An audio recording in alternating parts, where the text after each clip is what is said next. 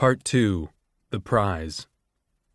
Chapter 11 Lucy Gray's words stung, but on reflection, were well deserved. Coriolanus had never really considered her a victor in the games. It had never been part of his strategy to make her one. He'd only wished that her charm and appeal would rub off on him and make him a success. Even his encouragement to sing for sponsors was an attempt to prolong the attention she brought him.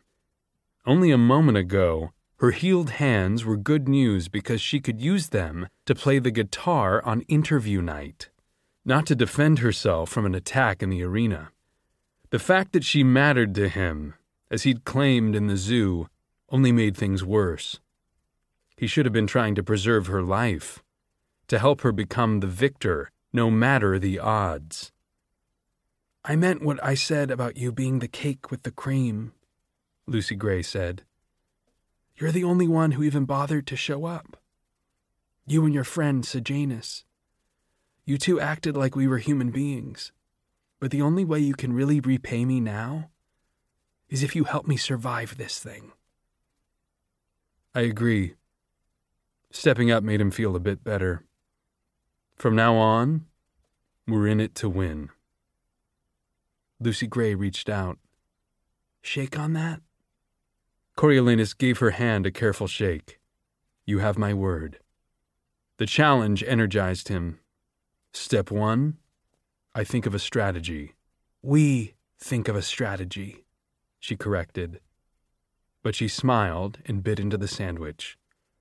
We think of a strategy. He did the math again. You've only got 14 competitors left, unless they find Marcus. If you can keep me alive a few more days, I might just win by default, she said.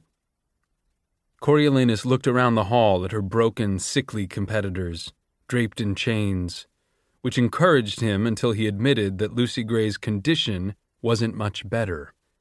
Still, with Districts 1 and 2 out of play, Jessup watching over her, and the new sponsorship program, her odds were vastly improved from what they'd been when she'd arrived in the Capitol. Perhaps if he could keep her fed, she could run and hide somewhere in the arena while the others fought it out or starved to death. I have to ask one thing, he said. If it came to it, would you kill someone? Lucy Gray chewed, weighing the question. Maybe in self defense. It's the Hunger Games. It's all self defense, he said. But maybe it's best if you run away from the other tributes and we get you sponsors for food. Wait it out a bit. Yeah, that's a better strategy for me, she agreed. Enduring horrible things is one of my talents. A dry bit of bread set her to coughing, Coriolanus passed her a water bottle from his book bag. They're still doing the interviews, but on a voluntary basis. Are you up for it? Are you kidding? I've got a song that was made for this whiskey voice, she said. You find me a guitar? No, but I will today, he promised. Someone must have one I can borrow. If we can get you some sponsors, it will go a long way toward you getting that victory. She began to talk with a bit of animation about what she might sing. They'd only been allotted ten minutes, though, and the brief meeting ended with Professor Sickle ordering the mentors back to the high biology lab. Following what had to be heightened security measures, peacekeepers escorted them, and Dean Highbottom checked off their names as they filed to their places. The able bodied mentors of the dead and missing tributes, including Livia and Sejanus, already sat at the lab tables, watching Dr. Gall drop carrots into the rabbit's cage. Coriolanus's skin broke into a sweat at the sight of her. So close and so crazy. Hippity hoppity carried her stick. Everyone's dying, and you're. She turned to them expectantly, and everyone but Sejanus averted their gaze. Feeling sick, said Sejanus. Dr. Gall laughed. It's the compassionate one. Where's your tribute, boy? Any clue? Capitol News had continued coverage of the manhunt for Marcus, but it was less frequent now. The official word was that he was trapped down in a remote level of the transfer.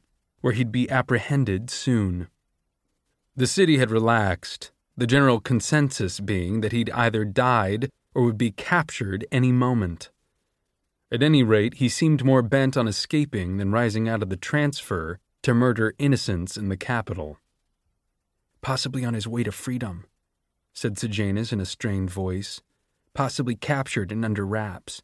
Possibly injured and hiding. Possibly dead. I've no idea. Do you?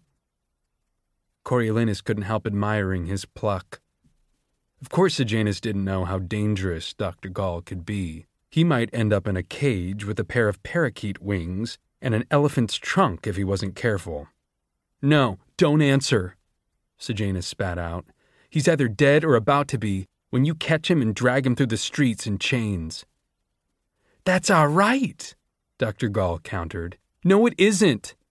I don't care what you say. You've no right to starve people, to punish them for no reason, no right to take away their life and freedom. Those are things everyone is born with, and they're not yours for the taking. Winning a war doesn't give you that right. Having more weapons doesn't give you that right. Being from the Capitol doesn't give you that right. Nothing does. Oh, I don't even know why I came here today. With that, Sejanus sprang up and bolted for the door. When he tried the handle, it wouldn't turn. He jiggled it and then confronted Dr. Gall. Locking us in now? It's like our own little monkey house. You have not been dismissed, said Dr. Gall. Sit down, boy. No. Sejanus said it quietly, but it still caused several people to jump. After a pause, Dean Highbottom intervened. It's locked from the outside. The peacekeepers have orders to leave us undisturbed until notified. Sit down, please. Or should we have them chaperone you somewhere else? suggested Dr. Gall. I think your father's offices are nearby. Clearly, despite her insistence on calling him boy, she'd known exactly who Sejanus was all along. Sejanus burned with anger and humiliation, unwilling or unable to move. He just stood there, staring down Dr. Gall until the tension became unbearable. There's an empty seat by me. The words came unbidden from Coriolanus's mouth. The offer distracted Sejanus, and then he seemed to deflate. He took a deep breath, walked back down the aisle, and slid onto the stool. One hand clenched the strap on his book bag, while the other formed a fist on the table. Coriolanus wished he'd kept quiet. He noticed Dean Highbottom giving him a quizzical look and busied himself by opening his notebook and uncapping his pen. Your emotions are running high, Dr. Gall told the class. I understand, I do.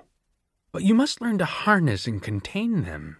Wars are won with heads, not hearts. I thought the war was over, said Livia. She seemed angry, too, but not in the same way as Sejanus. Coriolanus guessed she was just peeved about losing her strapping tribute. Did you? Even after your experience in the arena? asked Dr. Gall. I did, interjected Lysistrata. And if the war is over, then technically the killing should be over, shouldn't it? I'm beginning to think it will never be over, conceded Festus. The districts will always hate us, and we'll always hate them. I think you might be on to something there, said Dr. Gall. Let's consider for a moment that the war is a constant. The conflict may ebb and flow, but it will never really cease. Then what should be our goal? You're saying it can't be won? asked Lysistrata. Let's say it can't, said Dr. Gall. What's our strategy then? Coriolanus pressed his lips together to keep from blurting out the answer. So obvious. Too obvious. But he knew Tigris was right about avoiding Dr. Gall, even if it might bring praise. As the class chewed over the question, she paced up and down the aisle, finally coming to a stop at his table. Mr. Snow, any thoughts on what we should do with our endless war? He comforted himself with the thought that she was old and no one lived forever. Mr. Snow, she persisted, He felt like he was the rabbit being prodded by her metal rod. Want to take a wild guess? We control it, he said quietly. If the war is impossible to end, then we have to control it indefinitely, just as we do now, with the peacekeepers occupying the districts, with strict laws, and with reminders of who's in charge, like the Hunger Games. In any scenario, it's preferable to have the upper hand, to be the victor rather than the defeated. Though in our case, decidedly less moral, Sejanus muttered. It's not immoral to defend ourselves, Livia shot back. And who wouldn't rather be the victor than the defeated? I don't know that I have much interest in being either, said Lysistrata. But that wasn't an option, Coriolanus reminded her, given the question. Not if you think about it. Not if you think about it, eh, Casca? said Dr. Gall as she headed back up the aisle.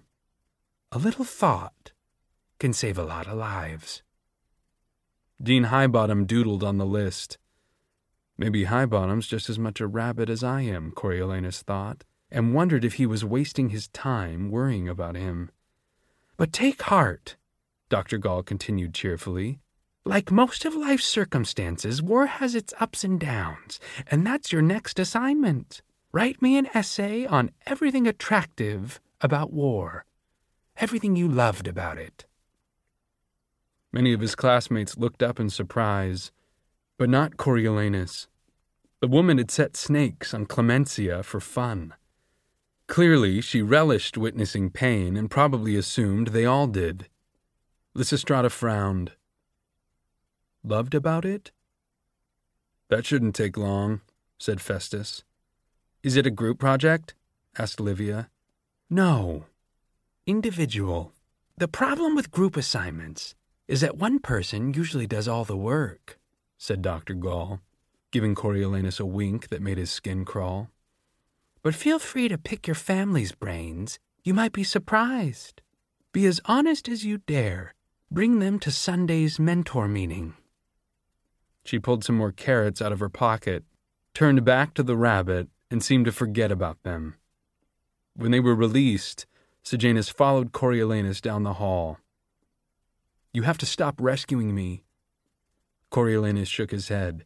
I can't seem to control it. It's like a tic. I don't know what I'd do if you weren't here. Sejanus's voice dropped. That woman is evil. She should be stopped.